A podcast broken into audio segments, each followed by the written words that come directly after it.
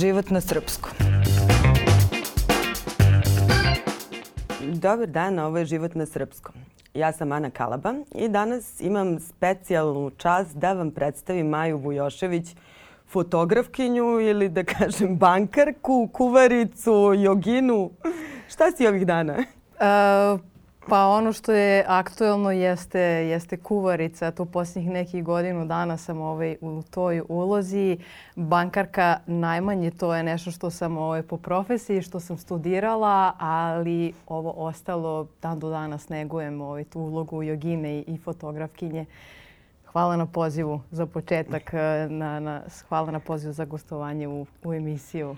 E, konačno smo uspele da se, da se sretnemo, a imamo i sad i specijalni povod. E, 6. E, da. maja je izložba fotografija. Jeste, to će biti moja prvo, prva samostalna fotografija u Beogradu. Ja sam imala već izložbu na, na Kipru i u Banja Luci, ali sada se spremam za, eto da kažem, veliki događaj. E, tako da imam datum. E, Dorćo plac je super prostor za, za, za neke moje potrebe. Želim da napravim e, program na, na otvaranju izložbe, tako da će to biti ne samo umetnička izložba, nego kulturno-umetnički događaj. Tako da, eto, svi, svi su pozvani 6. maja u 19 časova, Dorćo plac. Dobrodošli ste, da. I nikako da pomeneš Indiju, sve čekam. Aha, da, izložbu je... fotografije mm -hmm. u Indiji. Da, ja sam ovaj, u suštini dosta putovala po, po Aziji, ali nekako sam se najviše vraćala u Indiju i Indija je zemlja koju sam, ne samo što sam najviše obišla, nego prosto najbliža mi je nekako srcu, tako da kada sam donela odluku da napravim izložbu, bilo je kao pa šta sad da izložim, kako to da da bude neki smisao, ovaj, jer sam obišla 11 zemalja u Aziji. Kao šta sad da izložim iz svake zemlje po jednu, dve fotografije. Onda sam se odlučila za Indiju, tako da naziv e, izložbe Ujedinjene boje Indije, tako da mislim da govori više nego, nego dovoljno da... Da se vratimo na početak. Mislim da je to jako zanimljiva priča kako si ti došla do toga da se spakuješ u ranac i da odeš u Indiju i da ostaneš pa sad koliko traje tvoja veza s Indijom? Osam da. godina?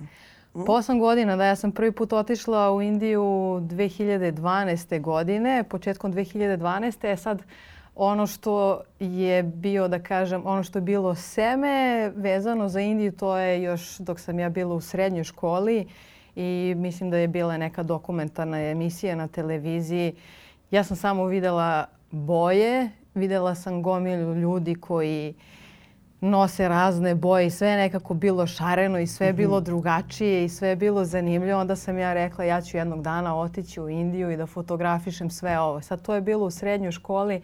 Nakon par godina sam ja prvi put čula da je neko koga ja poznajem bio u Indiji i meni je to samo bilo zeleno svetlo u smislu ok, znači čim je neko otišao, znači da je moguće. A što, što ne bi bilo moguće? Mislim, Pa to je još bilo davno pre više od 15 godina kada mi kao Srbi nismo imali dozvolu da putujemo po Evropi, a nekom li Azije. To je bilo kao mm -hmm. jako, jako daleko. Tako da je za mene u tom smislu bilo kao ja, ma ko još ide u Indiju, ali kao naći ću ja put. I onda vremenom sam, eh, eto, otišla sam na, na studije eh, preselila sam se na Kipar i tad je već krenuo da kažem moj proces razmišljanja oko toga kako ću otići u Indiju pošto nikog nisam poznavala, ništa nisam poznavala vezano za indijsku kulturu, filozofiju, istoriju. Ja sam samo imala taj nekako poziv, intuiciju ovaj da, da odem. I naravno tu je bio fakultet, trebalo je završiti studije i sve. Ja sam eto, odlučila da odem na mjesec dana u Indiju. Umeđu vremenu desilo se to da sam ja pred sam odlazak u Indiju upoznala uh, danas mog učitelja jogi. To se nekako sve spontano desilo. Tri mjeseca pred odlazak u, u Indiju uh, ja sam upoznala njega. Uh, plan je bio da se vratim sa Kipra u, u Beograd, da se preselim i onda kao odatle idem za Indiju. I sećam se mojim roditeljima kad sam javila preko Skype-a da ja, da ja neću ostati duže od 10 dana, da idem onda za Indiju. oni to nikako nisu mogli da prihvate i njima je to bilo ma šta ti pada na pamet i ja sam rekla dobro, ovo je nešto što ja moram da izguram do kraja. Znači ne idem za Beograd nego pravo sa Kipra letim za Indiju i eto tako upoznala sam mog učitelja koji mi je a kod njega ponudio. si... Aha. Kod njega sam prvo bilo, to ništa nije bilo planirano. Mi smo se vremenom zbližili. Ja sam išla svaki dan na časove joge. Ja sam bila oduševljena jogom i, i njime uopšte kao osobom. I on je meni rekao, pa da ideš u Indiju? Sam rekla, ne znam, idem. Idem svuda da fotografišem. I on se nasmeo jer ja nisam imala svest uopšte kolika je Indija. I onda je rekao, dođi ti kod mene možda prva dva, tri dana. Ja sam tu i tu. Dođi da me posetiš. E sad ta posjeta je trajala mjesec dana i nakon mjesec dana sam ja shvatila ok, ja sad nisam spremna da se vratim jer ja nisam obišla ništa od Indije. Ajde malo da putujem. I tako da sam ja putovala mjesec, mjesec dana po Indiji, znači bila sam dva mjeseca i onda sam počela da upoznajem e, ljude iz svih delova sveta koji su putovali. I sad E, jedni su govorili idem za tu i tu zemlju, idem na toliko i toliko meseci. Meni je sve to bilo jao, otprilike mhm. gozba, gde ja sve mogu da idem i na koje načine da putujem. I onda sam rekla pa čekaj, ajde da vidim neku zemlju koja je tu blizu gde ću naći jeftinu kartu. I tako sam ja otišla na Tajland. Tako da je prvo putovanje trajalo umjesto mjesec dana tri meseca. E, posle Indije sam otišla na Tajland i onda kao ajde treba da se vratimo u Beograd. Vratila sam se, ali ubrzo sam shvatila da ja nisam spremna da se vratim u Srbiju i koliko nisam bila spremna da se vratim, toliko sam imala jako želju da se vratim u Aziju. Tako da je sve to krenulo od 2012. pa do 2018. su trajale neka ta moja putovanja. Posljednji put sam bila u Indiji 2020. Mm -hmm. Eh, vratila sam se tačno na dan početak eh, vanrednog stanja, tako da sam imala veliku sreću. Ali, eto da, to je ukratko... A sad nekako... kažeš nisi bila spremna da se vratiš, jesi bila spremna sad da se vratiš? E, da budem iskrena, ne. Ja sam 2018. godine dobila neku potrebu da, da se baziram negde, ali mm -hmm. meni još uvek Srbija nije bila kao opcija. Rekla sam ne mogu više sa rancem. S druge strane sam donela promenu u svoj život i promenila svoju profesiju. Rekla sam dobro, ajde sad je meni potrebno da sve to što sam naučila radim sa ljudima. Mm. Ne mogu ako stalno putujem. I onda sam ja mislila da to uh, bude Grčka. Jer kao od svih evropskih zemalja ne možemo mi kao Srbi da dobijemo papire. Tek tako ne možemo mm. da živimo preko. Imala sam tu ponude da se ja udam zbog papira. Sve je to bilo. Moji prijatelji sa Kipra godinu, godinama su me molili ajde, ajde, naći ćemo ti nekog Kipranina. Jer u suštini ja nisam bila spremna da se vratim u, u Srbiju. Azija je za mene bila rupa u sistemu mm -hmm. jer uh, sam mogla da putujem koliko god hoću iz jedne zemlje u drugu, koliko god mi traje viza. A kao Evropa imala sam ograničenje na tri meseca nisam htjela ništa ilegalno, neke kombinacije. Rekla sam, ajde možda sa Grčkom imamo najbliži odnos pa ću moći. I tako sam se ja raspitivala sve gdje ću, šta ću, idem ja na Krit da živim. I onda sam ja uh, te godine 2017. sam ja rekla idem ja da kampujem, pošto ja ne znam gdje ću živjeti na Kritu, ali najbolja koja kampujem po celom ostravu, pa ću vidjeti negdje naći ću neku kućicu. I dan pred moje putovanje sam ja dobila informaciju da mi ne možemo da dobijemo uh, vizu čak ni na šest mjeseci ili godinu dana boravišnu, osim ako nemamo neku nekretninu u iznosu od 250.000 evra. Aha. Sad ja sam mislila nešto mnogo, mnogo jeftinije da nađem neku kamenu kućicu i mislila sam ok, ako ja posjedujem nešto dobit ću papire. I pošto sam shvatila da ja neću moći da dobijem papire, jedina opcija da se ja vratim u Srbiju, da to bude, da kažem, e, bezbolno. Tako da sam ja na tom mom putovanju po Kritu gde sam bila u potpunosti sama i nekako sam prolazila kroz procese kao ajde da sam ja spremna da se vratim, kako će to uticati na mene. Donela sam odluku, vratila sam se i I to, eto, ima ovo četvrta godina kako sam se vratila u Beograd. Koliko god da sam odbijala u početku, nekako sada shvatam zašto sam se vratila i neminuno da, da sam spremna pa sam se zbog toga ovaj, i, i vratila. Pa dobro i odvija se priča. Sve ono o čemu smo pričali, o čemu si razmišljala kad smo se videle poslednji Jeste. put. Jeste, da. ovaj, sve se nekako ostvarilo. Nekako čini mi se da to dobro ide. A mislim i ovde postoji interesovanje za e, istočnjačku kulturu, za indijske priče, za hranu vegansku. Da. Hmm? Jeste, to, je, to su velike promene koje su se desile u našoj zemlji u posljednjih par godina i baš su se brzo desile. Ja, na primjer, kad sam krenula pre 10 godina i, i da se bavim jogom i prešla na veganstvo i, i dosta, dosta promjena sam uvela u svoj život, ljudima je to bilo čudno, čak i strašno. I znam da svaki put kad bi došla iz Azije na, na par nedelja, na par meseci, uvek sam imala taj problem što bi ljudi kao ma šta radiš sa životom, šta radiš tamo, to nema nikakvu vrednost. Ja sam rekla, ja samo pratim svoje srce, svoju intuiciju, ali sada se to promenilo. Ljudima je jasno šta znači kad kažem vegan, jer ljudi nisu znali ni šta znači vegetarijanac. Mm -hmm. Tako da je mnogo bolje u tom smislu. E sad što se tiče joge, ja mislim da je malo prezasićeno tržište kod nas jer toliko ima joga instruktora da ja mislim da u Indiji nema toliko. Ako pričamo na broj, u odnosu na broj stanovnika koliko ima instruktora, to je, ja mislim, i previše, ali dobra, mislim da je to neka faza kao trend pa će ali, proći. ja da ti kažem, jako je teško naći neko ko ti odgovara baš ono...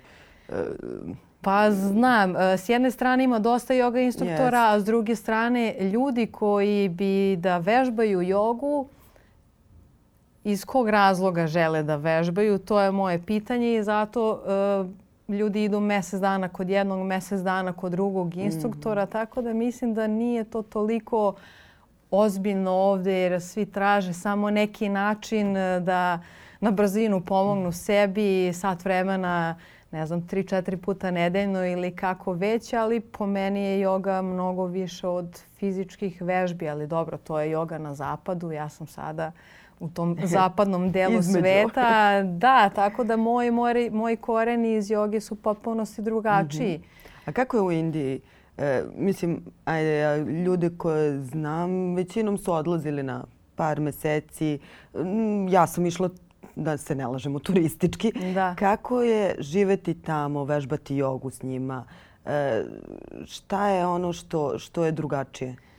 Um, na prvom mjestu posvećenost posvećenost e, praksi u svakom smislu, mm -hmm. jer ono što se ovde radi jesu samo te fizičke vežbe i držanje časova i uglavnom sve to što ljudi rade, rade za, za virtualni mm. svet, neki marketing i to je ok, ali ono što nedostaje jeste ta neka praksa, posvećenost, jer to je po meni životna filozofija, znači način na koji se hranimo, način na koji se obhodimo prema ljudima, prema sebi, prema mhm. okruženju. Mm -hmm. Tako da je to mnogo, mnogo šira slika nego ovde što su ljudi uzeli. Valjda su samo zagrabili ono što im odgovara i to je ono što, što praktikuju. Mm. Uh, ja sam imala sreću da prosto imam takvog učitelja koji u svojoj 70. godini uh, On se svako jutro budi u tri, pola, četiri i ima svoju praksu bez obzira koliko je on zauzet i koliko ima odgovornosti. E,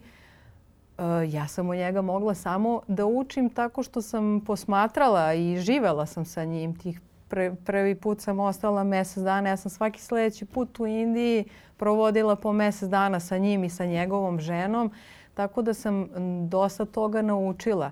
Jer u početku sve te knjige iz joge meni nije bilo jasno niti terminologija, niti bilo mhm. šta, ali baš zbog toga što sam praktikovala i živela to, onda sam uvek dolazila sa nekim pitanjima kod učitelja koja su meni bila potrebna i tako dalje prenosila. Ali sam ja tek nakon četiri godine lične prakse krenula da držim časove. Znači, moja ideja nije bila ja ću biti yoga instruktorka u, mm. u, ili učitelj prosto to je bilo nekaka, nekako da kažem potreba da se deli ono što sam ja naučila i, i tako sam i krenula sa časovima joge usput e, na, na putovanjima. E, tako da to je po meni glavna razlika, posvećenost praksi, da. A sad isto kad pričaš e, koliko si vremena provodila u putovanjima, kako si funkcionisala, pa ajde probaj malo do Tajlanda, pa malo do Balija. Od čega? Kako se živi? Od čega se živi kad tako funkcionišeš? Kad imaš tu slobodu, možeš li je ovaj, ne, ko, kakvim poslovima, šta, čime si se bavila, kako si zarađivala. E. Sjećam se da si mi pričala da kao u Indiji možeš sa 10 evra i da središ i smeštaj i put i hranu. Stvarno. Apsolutno. Pa da, ali uh, ja sam ne samo po Indiji, nego uglavnom po Aziji sam ja putovala tako što sam bila smeštena u najjeftinijim sobama i to je mhm. bio moj jedini kriterijum kad bi se našlo u nekom mestu i naravno uvek pitam oko ljude, lokalce, cheap room, cheap room. I to je meni bilo ok, to je neki kompromis koji sam ja napravila sa sobom jer sam ja shvatila koliko se osjećam ispunjeno i srećno na tim putovanjima. I rekla sam, ali dobro, ja sam svesna da ne mogu da imam konstantan priliv novca, da ja ću ja možda mm. jednog meseca zaraditi neki novac, sledećeg možda ništa. I baš zbog toga što sam putovala sa svom svojom ušteđevinom koja nije bila baš toliko velika, ja sam rekla, ok, znači nema suvenira, nema turističkih atrakcija ili svega, idemo na nešto što je najjeftinije. I sad kad sam ja donela tu odluku, ja sam na putovanjima imala toliko toliko sreće, toliko predivnih iskustava sa lokalnim ljudima. Mislim, ja nisam išla sa namerom da se hranim kod nekog besplatno, ali prosto ljudi su me stalno pozivali i da uh, budem deo njihove porodice. Ja sam mnogo puta se hranila po ne samo indijskim porodicama, nego raznim. Imala besplatan smeštaj, jer putovala sam čistog srca i moja namera je bila u potpunosti čista. Uh, Tako da ja mislim da sam baš imala dosta sreće i ja mislim da sam svakodnevno osjećala ogromnu zahvalnost i samim tim i, i ljubav prema životu i prema, prema okruženju. I to je ono što me najviše vraćalo svih tih godina u Aziju. Ljudi su e, otvoreni mnogo više, nekako gledaju odavde, ne odavde i to je glavna razlika po meni između, između zapada i istoka. Jer njihov e, način razmišljanja, mentalni sklop je u potpunosti drugačiji nego naš i to je sad teško objasniti rečima šta je drugačije, ali... Kad si ti to shvatila? Ajde neku anegdotu, nekako mi pričaš. Pa kad sam ja to shvatila, pošto sam prvi, prvo moje putovanje je bilo u Indiji. Sad, uh, naravno, pitam za sve, gde, šta, kako. Ja sam shvatila da u Indiji je njima sve da ili ok. Uh, prosto ne bi želili da vas odbiju. Takvi su ljudi. I sad ja bi došla, ja sam tad putovala sa mapom kakav internet ili GPS. I onda se desi da kad god bi pitali jel treba da idem ovde pa onda ovde i oni sve vreme ovako. I ovako radi. Ja sad nisam shvatila, sam mislila da to znači da. Ovaj, onda kad, kad bi eto tako otišla pogrešnim putem ili shvatim da nije to to, onda kao aha, ok, dobro, znači znam koja je njihova namera. Njihova namera pomognu čak i ako ne znaju. I ovaj, tako da su ili prosto imaju mnogo jednostavniji način razmišljanja. Mislim da mi mnogo komplikujemo kada nešto pitamo, tražimo. Kod njih je tako kako kažeš, tako jeste, može, ne može, mm -hmm. idemo dalje. I to neko duhovno bogatstvo, jer neminovno da Azija, posebno Indija, ima reputaciju kako su oni jako siromašni i bedni i uvek je to bilo kao neka uh, mračna strana. Ja sam gledala kako su oni kao ljudi i prosto toliko su i ne samo što su veseli i što su zadovoljni i i prisutni u trenutku. Znači nema nekih priča unapred šta ćemo, kako dalje, planiranja. I to je ono što me uvek vraćalo mm -hmm. svih ovih godina u Indiji. Sad što se tiče anegdota, po Aziji ima ih dosta, ali ajde reći ću ono što je bilo zanimljivo. ja prvi put kad sam otišla u Indiju, ja sam htjela da se vratim. Znači, ja sam bukvalno sa aerodroma otišla na železničku stanicu. Ja sam htjela da se vratim. Iako sam prethodne dve godine provela na Kipru putujući po bližnjim evropskim zemljama, znači spremala sam se na taj način da putovala sam sama. Jer pre... ne, ali ništa te ne spremi za Indiju, ja mislim. Pa ne, ali kao mm. ajde, pošto ću ići sama, ajde da vidim kako je to, pa tražim hostele, pa malo pričam sa ljudima jer mi je bilo potrebno da, da probijem tu barijeru. Posebno što kod nas u Srbiji nije baš dosta ljudi putovalo još na taj način i onda kao ja sam se pripremala, obišla sam osam zemalja po, po Evropi, kao idem ja sama. Iako sam ja imala učitelja koji me čekao i sve to sve nekako bilo spremno, kaže on meni doćeš sa aerodroma na tu i tu železničku stanicu, dočekaš voz, četiri sata putuješ i ja te čekam. Ja kažem važi. I međutim, kad sam ja sa aerodroma došla na železničku stanicu, je bilo tri ujutro, a meni je voz bio u sedam. I sad ja sam bila sama na stanici u daljini neka žena. I sad ja kao, ajde, sad ću ja da sačekam. Naravno, uzbuđena u drugoj zemlji sve mi je bilo strano. I sad meni je prišla ta žena i ja sam se zaledila. I samo u jednom trenutku je prišlo još njih nekoliko, možda desetak indijaca. Jel da se slikaju s tobom? Ma ne, tad nije bilo ni telefona, ničeg. To je ovaj, bilo pre deset godina, ali samo smo ovako gledali. Sad ja nisam imala tu informaciju da indici vole tako da, da gledaju. I, I ja se sjećam da sam nekako samo imala ranac ovako blizu sebe ja kao ne smijem da se pomere. Ja sam mislila sad će me napasti i onda preispitam sebe šta ja radim ovde, šta mi ovo treba u životu i kao kako ja da pobegne. Tako da je bilo baš nekako intenzivno. Sjećam da sam u jednom trenutku kao ajde ja ću sad da izvadim knjigu kao da čitam, možda ću otići. Pošto sam sedela na klupici i njih desetak je sve vreme samo ovako gledalo u mene. I kako sam uzela da čitam knjigu, ne, oni su se približili. I ovaj, tako da kad sam to izgurala, onda je sve nekako bilo ok. Našla sam se posle sa učiteljem i bila sam smeštena kod njega baš u džungli. Znači, ne samo što Aha. je to seoski način života, nego prosto po prvi put sam imala dodir sa tim da se ja rano budim ujutru, da se uh, hrana sprema na vatri, a ne u dvorištu, na šporetu i onda mi je baš nekako sve bilo novo, ali kao da se poklopilo sa nekim mojim uh, unutrašnjim potrebama koje nisam ni znala da postoje, ali, ali znam da su, me, da su me vodile uopšte da prvenstveno i odem iz zemlje. Znači, uh, tako da sam se ja dosta pronašla u tom okruženju i u tom nekom uh, miru i tako je krenuo neki moj i A vozovi? Rast. Kako vozovi, je prošlo to na železničkoj stanici vožnja e, vozovi, vozom? Pa ja sam nekako navikla, pošto je prvi put kad sam uh, htela negde da idem vozom, oni su mi rekli, ne znam, čeka se dva meseca mm -hmm. karta. Sam rekao, kako ću ja da putam po zemlji ako se čeka dva meseca karta? I onda sam se tako raspitivala, prosto njih sistem, njihov sistem kako funkcioniše, kako aplicirati za kartu, pa de šta. Uvek sam se vozila najjeftinijom klasom, to je ona kao sleeper class, gde bi uglavnom bila jedina strankinja, jer stranci koji se voze uh, vozovima po Indiji obično ima onaj deo gde su kao kreveti, pa ne znam, zavesica, klima. Ja da se vozila nije bilo prozora uopšte. Uh, to je, da kažem, bio neki moj kompromis, ali ja, na primjer, dve i po hiljade kilometra možete prećite za 10 evra.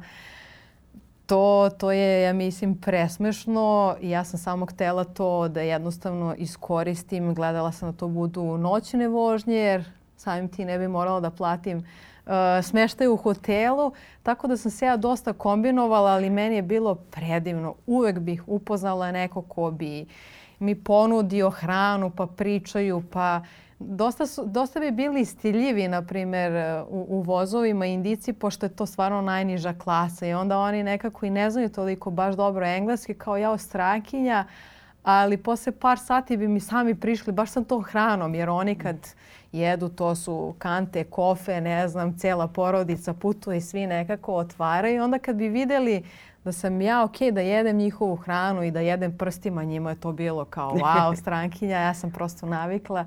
Tako da su bila super iskustva Moje najduže putovanje je bilo sa juga do, do severa Indije jer sam htjela da idem na Himalaje. Putovala sam tri, tri dana sam putovala vozom i to mi je bilo najveće iskustvo. Uh, onda sam još naredno 24 časa putovala autobusom. Još dva autobusa sam promenila. Sam htjela da vidim Himalaje, najviše snežne vrhove. To mi je nekako, ta slika mi je bila kao moram to da vidim. Jesi uh, slikala? Ma, jesam, pa kak, kakvi ovaj, baš imam, uh, sam sad pošto se pripremala za izložbu fotografiji, onda naravno ta priča oko selekcije trajala i trajala.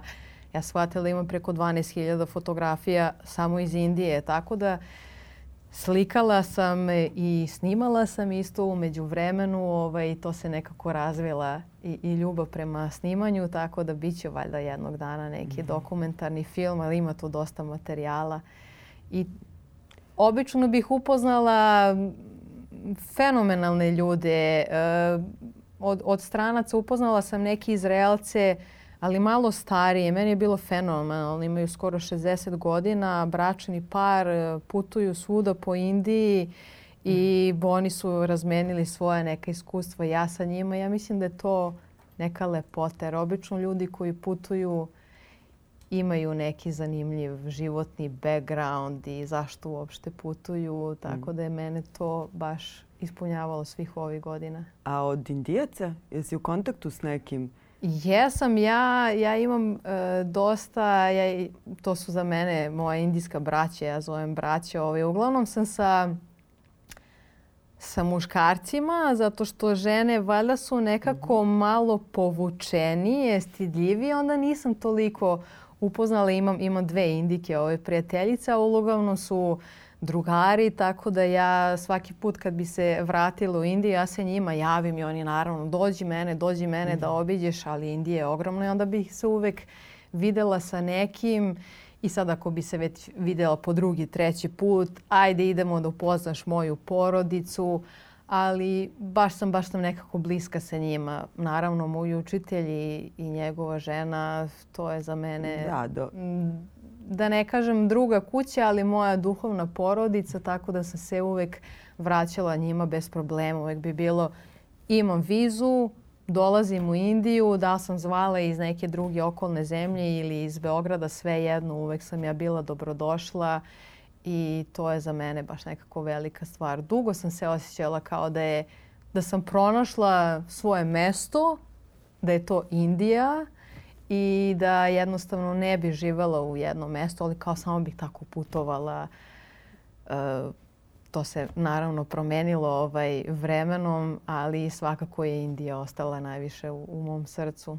A li postoji nešto što ti je smetalo? Mislim, e, naravno, svi ljudi koje znam iz Indije se vraćaju totalno opčinjeni. Da. Međutim, na Keca e, nisam sigurna da bi mnogi od njih mogli neke stvari da, pa ja prihvate da... kao, mislim, kao u zemlji gdje će da žive. Da, meni to uopšte nije, nije bio problem. Kao ja sam stvarno videla sebe kako mm -hmm. živim negde. Ja sam čak i provodila u jednom mjestu po par meseci. To je tek kasnije kad sam ja i proputovala pa sam shvatila ok, možda mogu da iznajmim sobu sa, sa kuhinjom jer mm -hmm. mi je to mhm. isto bilo bitno da kuvam svoju hranu.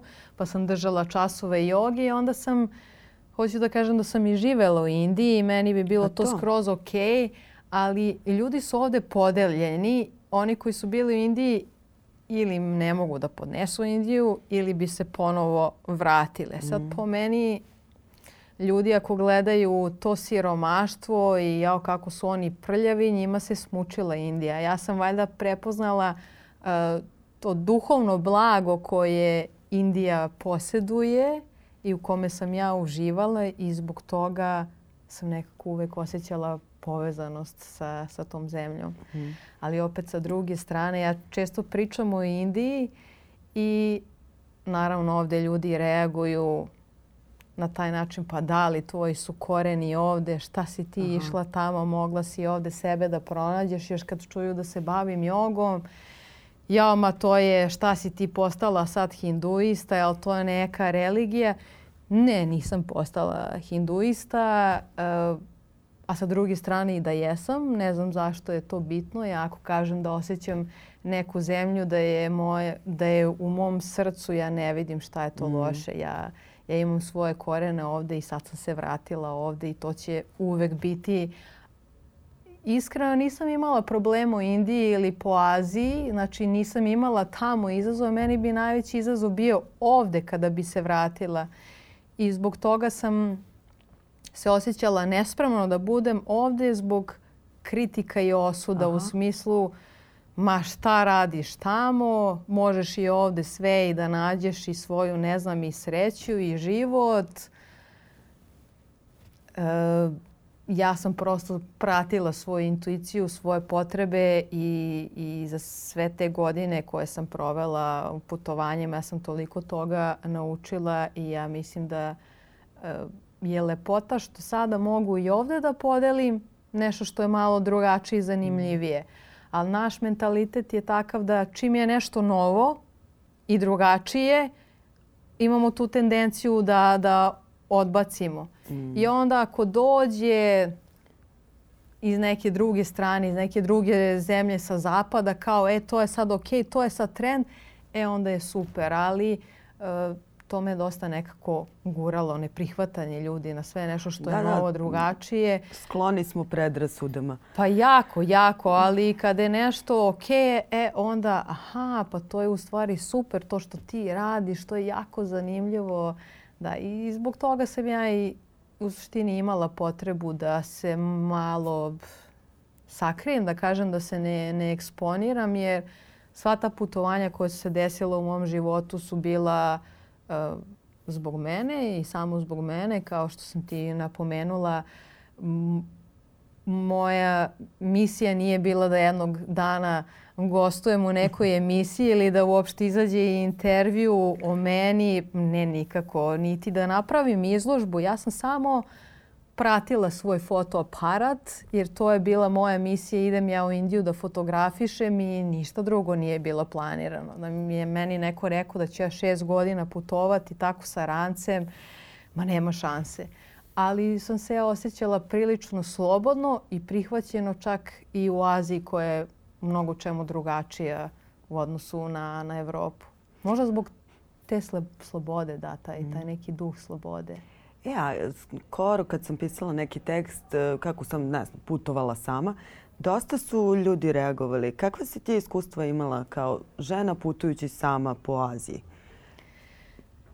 Moje iskustva su stvarno super i meni je žao uh, što sam čula mnogo puta slučajeve da posebno u Indiji silovane su devojke. Mislim, meni je stvarno žao zbog toga. Ja nisam imala neprijatnih iskustava, ali opet s druge strane uh, ja sam se i pametno ponašala po, na svim tim putovanjima u smislu ako znam da u indijskoj kulturi žene ne nose majice na bretele mm -hmm. ili otvoreni dekolte ili šorceve ili suknje iznad kolena.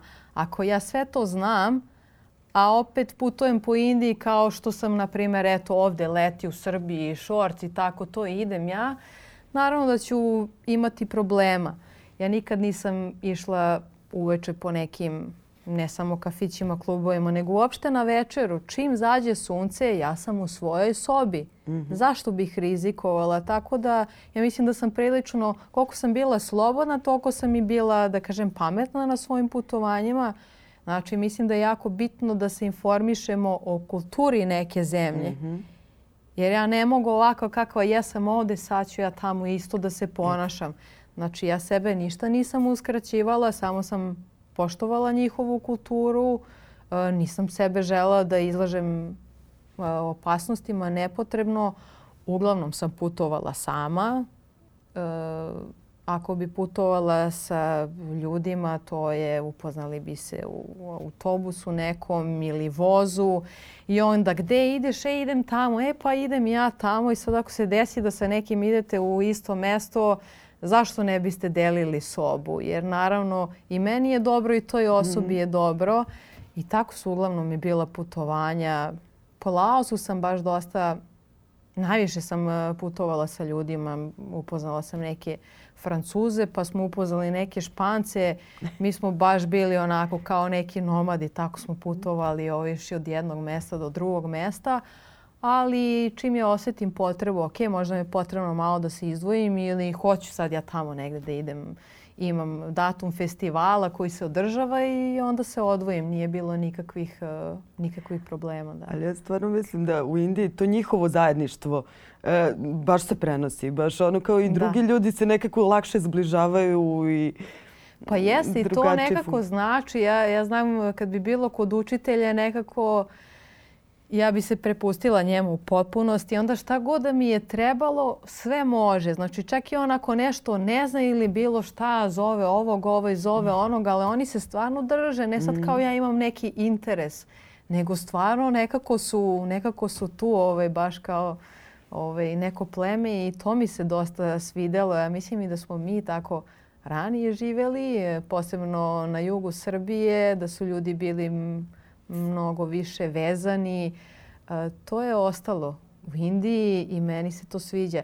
Prepostavljam da u Delhiju i u Mumbaju i u Kolkati nije baš tako. Ja sam u, većim gradovima se stvarno malo, malo zadržavala, obično zbog papirologije, vize, ali ono što čini Indiju su definitivno sela i manja mesta, preko 90%, tako da taj, taj duh sam ja uspela da iskusim i meni se to jako svidelo. A Varanasi? Varanasi, dva puta sam bila u Varanasi. Ja mislim da je Varanasi raj za fotografe. Nisam htela u početku, pošto su mi ljudi pričali razne neke priče. Ja sam bila zgrožena. Kaže, pa kako je to mesto? Znači, ne, nema, nema šanse da idem da. tamo. Možda bude koliko god hoćeš duhovno. Međutim, posle jedno četiri, pet puta u Indiji ja sam odlučila da odem tamo jer znam da je šareno, ima svega ja da fotografišem. Ja sam se oduševila. Mislim, neminovno da ima svega. Ne, zato što Varanasi je ostao kao naj... Da, ljudi idu tamo da bi umrli. Sad to mm. nama zvuči možda morbidno, ali oni u kulturi njihovoj, oni spaljuju ljude. I sad oni smatraju da ako čovek umre u svetom mestu, onda je doživeo neko svoje prosvetljenje i završio svoju misiju na zemlji, tako da neminovno da ćete vidjeti uh, dosta bolesnih, starih ljudi, siromačnih, jer ima i dosta prosjaka, naravno koliko ima turista, onda oni sve to nekako koriste. Ima dosta dešavanja, ali opet sa druge strane Varanasijem protiče i sveta reka Ganga koja po meni stvarno ima neku uh, posebnu energiju i sve te kapije ili ti gac koji se nalaze uh, duž Varanasije, kao da svaka kapija je priča za sebe. Mm. I to je ono što je mene fasciniralo. Ja sam rekla ja ću se vratiti u Varanasi baš, evo, posljednji put kad sam bila pre dve godine sam opet bila u Varanasiju i ja mislim da bi mogla da napravim izložbu fotografije samo iz Varanasije jer i svi ti njihovi rituali koji se odvijaju na samoj reci Ganga svako jutro i uveče imaju mm. onu njihovu ceremoniju koja je stvarno nešto posebno. Da. Ima još svetih mesta po, po Indiji koja su meni nekako bila zanimljiva. Jer ja sam u početku samo putovala, a onda posle saznam da postoji festival kao što je Maha Šivaratri. To sam napravila. Uh, napravila sam putopise sa tog festivala. Uh, saznala sam i za druge neke festivale. Tako da su se moja putovanja uh, vremenom menjala. Zavisi šta sam pratila, da li su to neki festivali, onda sam pratila sveta mesta jer e, priča su ono što je mene uvek zanimalo. Ili što ja kažem, ja samo pratila fotoaparat, mm. ja ne znam ništa gde hoće moj fotoaparat, tu, tu idem i ja. Tako da su to i ajde, moramo da završavamo ovo, pa, pošto mislim da bi ovaj razgovor mogao da se, da se razvuče u nedogled. Da. E, fotografija koja otvara izložbu. Ajde, po čemu je fotografija ona koja otvara izložbu jeste baš iz Varanasija. Mm -hmm. Da, i to je fotografija koja, koja stoji na, na eventu uh, na Facebooku. U pitanju je sveti čovek ili ti, ili ti sadu, za one koji ne znaju koji su sadovi. Znači to je čovek koji je u potpunosti odsečan od materijalnog sveta u smislu ništa ne posjeduje, putuje po celoj Indiji. Njegov posao, da kažem, je da daje blagoslove drugim ljudima i to je ono od, od čega sadui obično žive. Ljudi im daju nešto malo para ili nešto malo hrane, tako da je njima to dovoljno, ali to su ljudi koji su ceo svoj život posvetili duhovnosti i ja mislim da Indija kao zemlja koja jeste uh, duhovna. Nekako to je, to, je bio, to je bio izbor. Da, ja mislim da je ovako po meni jako upečatljiva i, i taj pogled koji sam ja uhvatila je nekako ima neku emociju. Ja inače kad sam fotografisala ljude po cijeloj Aziji, shvatila sam koliko ima portreta. Ne znam da li je bilo jednog nameštanja u smislu mm -hmm. da je da mhm. svetlo ili šta već. Uvek bih pitala na način kao kao pokažem na fotoaparat i kao je ok, tako da nisam ljudima upadala ni ovaj, s objektivom kao sad ću ja svakako da fotografišem, svi su mi zanimljivo, ali je bila ta neka, ovaj, da kažem, konekcija, tako da eto, to će biti fotografije na, na otvaranju. E, no, do naziva sam došla uz pomoć prijateljice koja je zadužena za, za pisanje ovaj teksta i sad ja sam njoj pokazala, jedino je ona videla selekciju i on kaže, čoveče, koje boje? Ja sad kažem, pa dobro, to je Indija. Jer bilo je kao da li da izložim e, umetničke fotografije iz Indije, onda kažem da li nije to to, neće se videti da je to Indija. Tako da je više nekog dokumentarnog mhm. karaktera mm -hmm. izložba, to su fotografije sa putovanja. Mislim da će jako biti zanimljivo. Mislim, meni je zanimljivo koja sam pregledala te fotografije mnogo, mnogo puta, ali uh, mislim da će biti super. Da, da jedva čekam i sigurno sam da svaka ima priču. Da, da, svaka ima priču i radujem se, radujem se događaju pozvani ti i tvoja ekipa. Tako I da mnogo mi je drago što nisi to sačuvala samo za sebe i što si bila gošća danas ovde. Hvala najlepše na pozivu uživala sam iako je ovo za mene novo iskustvo, ali ti si učinila da se osjećamo ovaj, prijatno, opušteno i prirodno, tako da hvala ti na pa tome. Pa kažem ti kao na kafu da smo otišle. hvala Majo. Da, hvala najljepše. Thank you.